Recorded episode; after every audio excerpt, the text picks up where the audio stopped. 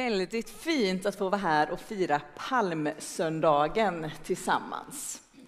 Vi har redan lyssnat på dagens predikotext som Peter så fint har beskrivit, men jag tänker att vi läser delar av den direkt ur Bibeln också.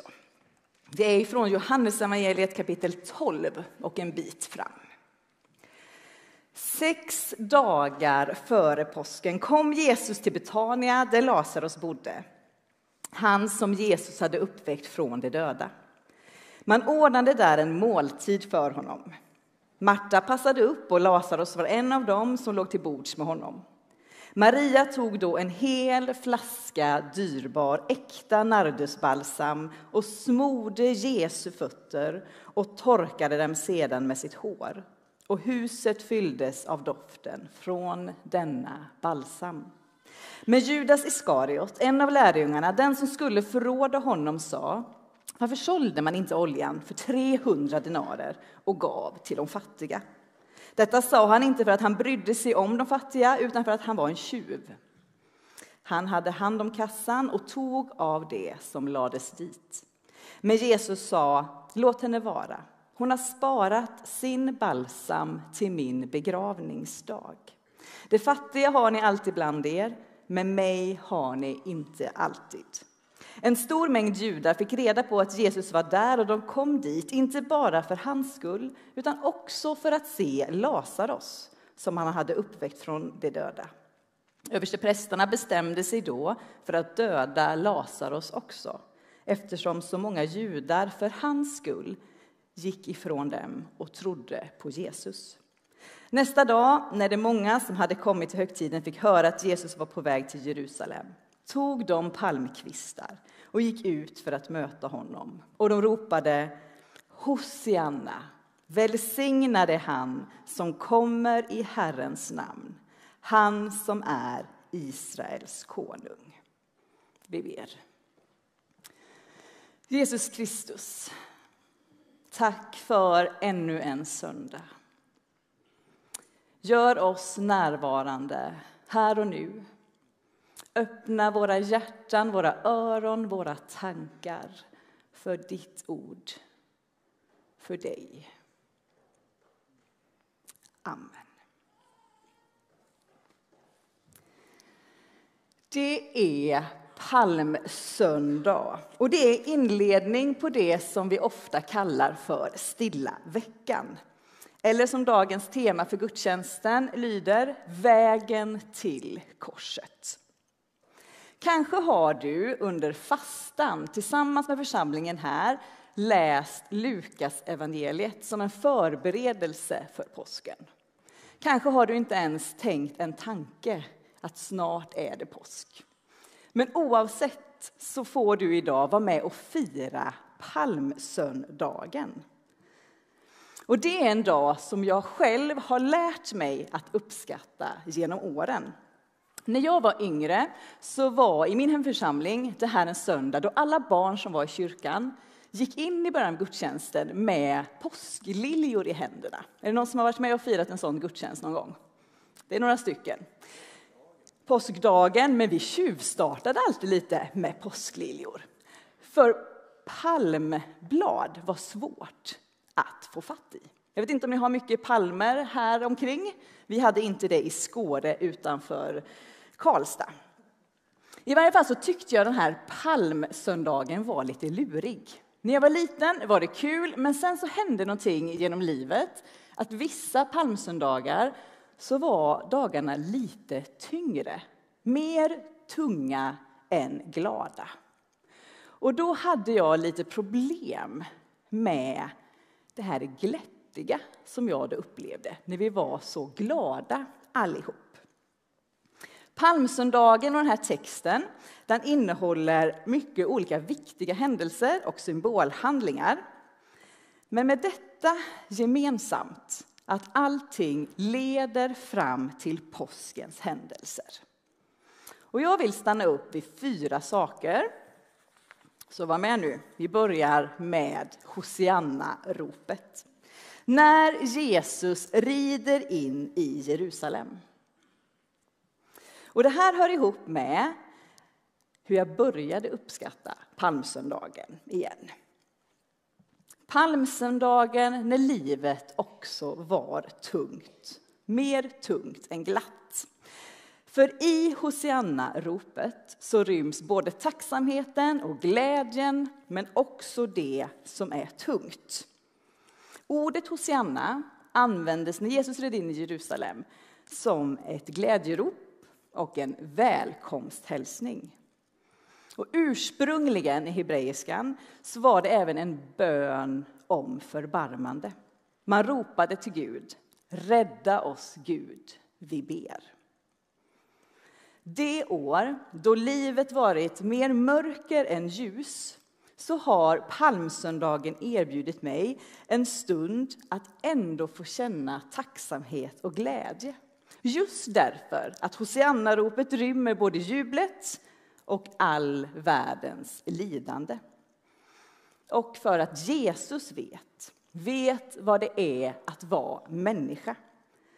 Och att han väljer att, som vi i kyrkan ofta kallar det, gå lidandets väg för din och min skull. För att vi ska få liv och för att mörkret aldrig vinner.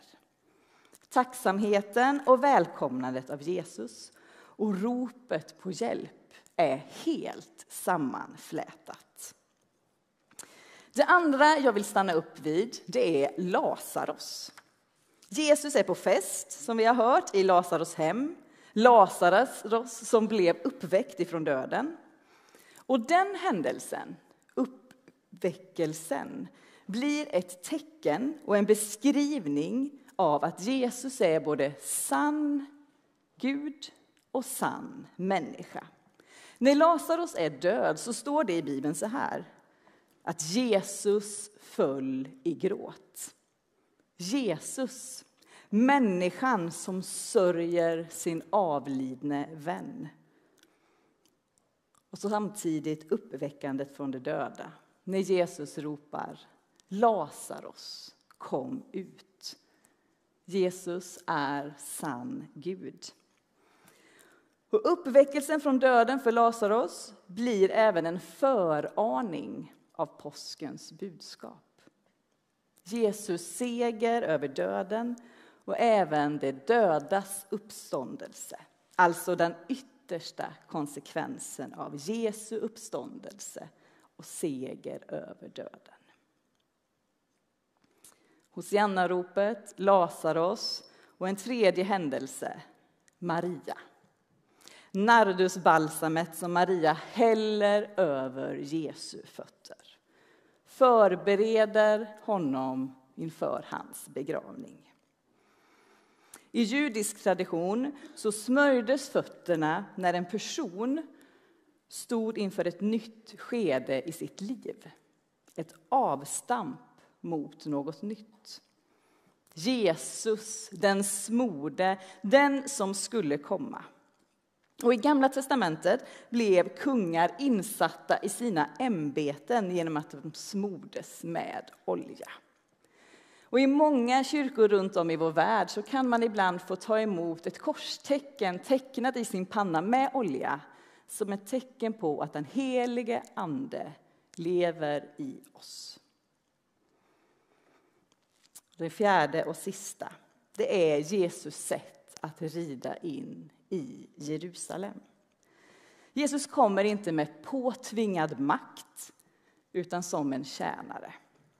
Och så erbjuder Jesus oss att vi, precis som vi kan läsa om vi läser från Matteus evangeliet, där beskriver man också att människorna lade ner sina mantlar inför Jesus när han kommer ridande. Vi får erbjudandet att frivilligt och av kärlek lägga ner våra liv inför Jesus Kristus. Att lägga ner mantlarna är att lägga ner allt det som är vi. Våra ägodelar, vår trygghet, alla våra idéer, begär, frågor. Allt det som är vårt liv. Jesus rider in i Jerusalem och finns mitt ibland världens alla Hosianna-rop. Hosianna-ropet som rymmer allt. Glädje, tacksamhet, sorger, besvikelse, rädslor. Vad är det för rop som hörs från ditt inre den här palmsöndagen? Vad är det för rop som hörs från människorna och bygden här i kring i Allingsås? Vad är behoven, längtan, rädslorna, glädjen? Hur kan ni som församling finnas mitt bland dessa rop och visa på hoppet? Hoppet om att ljuset alltid vinner över mörkret. Att vi aldrig är ensamma. Ungefär som Maria gjorde när hon bröt nardusbalsamflaskan.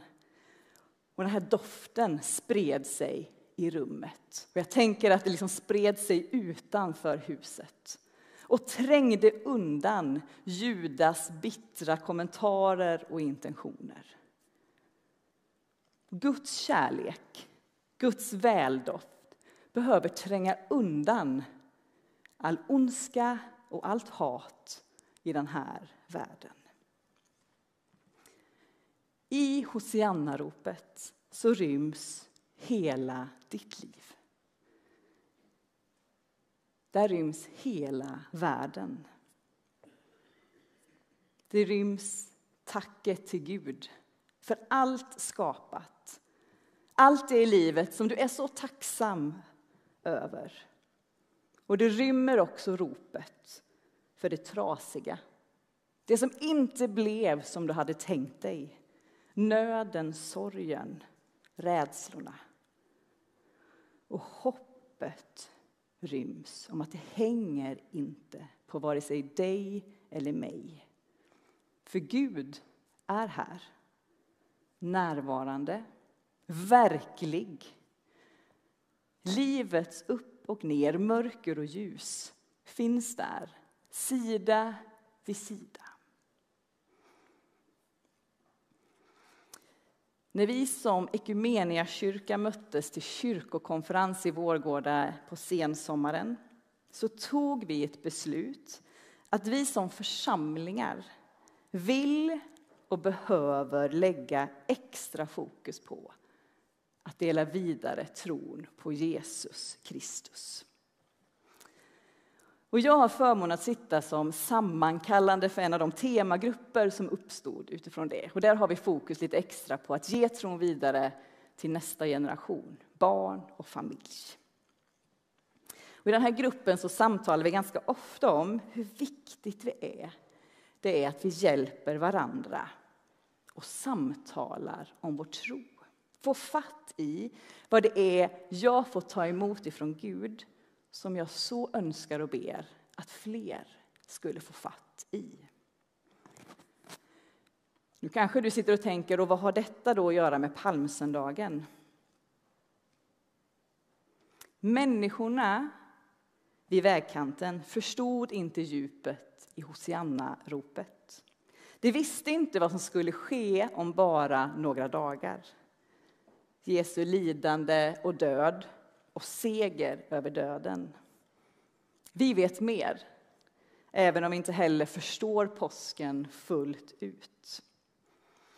Och när vi står här med Hosianna-ropen så välkomnar vi Jesus som förvandlar liv. Och det är det vi vill ge vidare. För att kunna ge något vidare så måste vi också ha någon aning om vad det är vi har fått ta emot. Att välkomna in Jesus i våra liv, inte bara på palmsöndagen utan varje dag. Att hitta goda, heliga vanor, säger vi ibland. Alltså goda vardagsrutiner. Att vända oss till Gud, som alltid är vänd mot oss. Hur skulle du beskriva din tro för en annan människa? om du har en tro. Vad betyder tron för dig i vardagen? Hur märks det i ditt liv? Kanske är du en av dem som under fastan i år valt att ta bort något för att göra utrymme för något annat. Kanske har du genom läsandet av Lukas evangeliet med församlingen hittat goda rutiner tillsammans med Gud och varandra. Som en god andlig övning, helig vana eller vad du vill kalla det. Att hitta goda vanor i ditt liv som gör plats för Gud och som gör plats för andra människor. Det är viktigt. Att om och om igen stämma in i Hosianna-ropet och välkomna Jesus in i det som är ditt liv. En helt vanlig tisdag eller en ovanlig torsdag. Erbjudandet från Gud som alltid är närvarande. Den här temagruppen om barn och familj, vi var i början av terminen i Jönköping. Det finns ett nätverk som heter Jesus till barnen. Och där har de bjudit in en kvinna från Storbritannien som hade jobbat i kyrkan hela sitt liv med just barn. Och så berättade hon på ett levande sätt, får jag säga, Rachel Turner kan ni googla upp om ni vill ha en energifylld kvinna som pratar om att ge tron vidare. Så pratade hon om vad hon hade insett hon hade insett att de barn som kom till kyrkan, i bästa fall, så fick hon möta dem ungefär 70 timmar på ett år.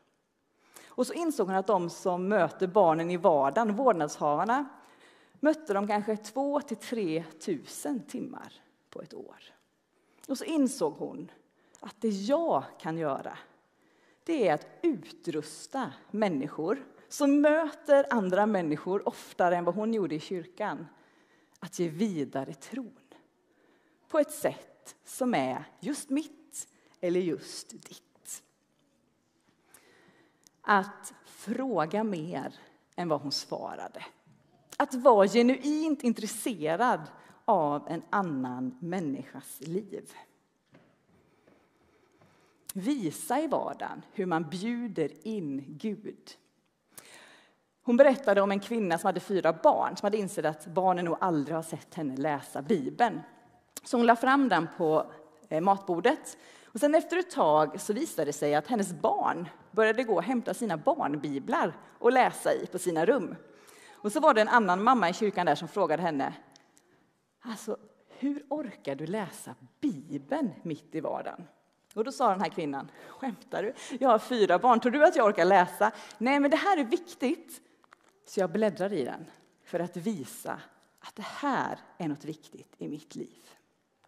Våra sätt att läsa Bibeln, att be, att tala tro ser olika ut i olika perioder av livet. Hitta ditt sätt som funkar just nu för att bjuda in, välkomna in Jesus i din vardag. För mig att förstå Hosianna-ropet så var nyckeln en medmänniska som förklarade för mig bredden i Hosianna-ropet. Och jag tänker, vad hade min tro varit idag utan andra människor? Utan samtal vid middagsbord, utan scoutgruppen, utan städgruppen på sommarhemmet. Vem eller vilka har du i ditt liv där du kan dela tron?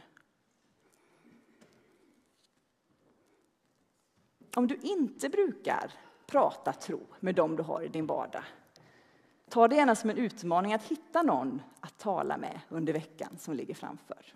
Och känns det som ett jättesvårt samtal att föra så har jag märkt att det går ganska bra att fråga om man har några goda vanor i sitt liv. Och så delar man med sig av det.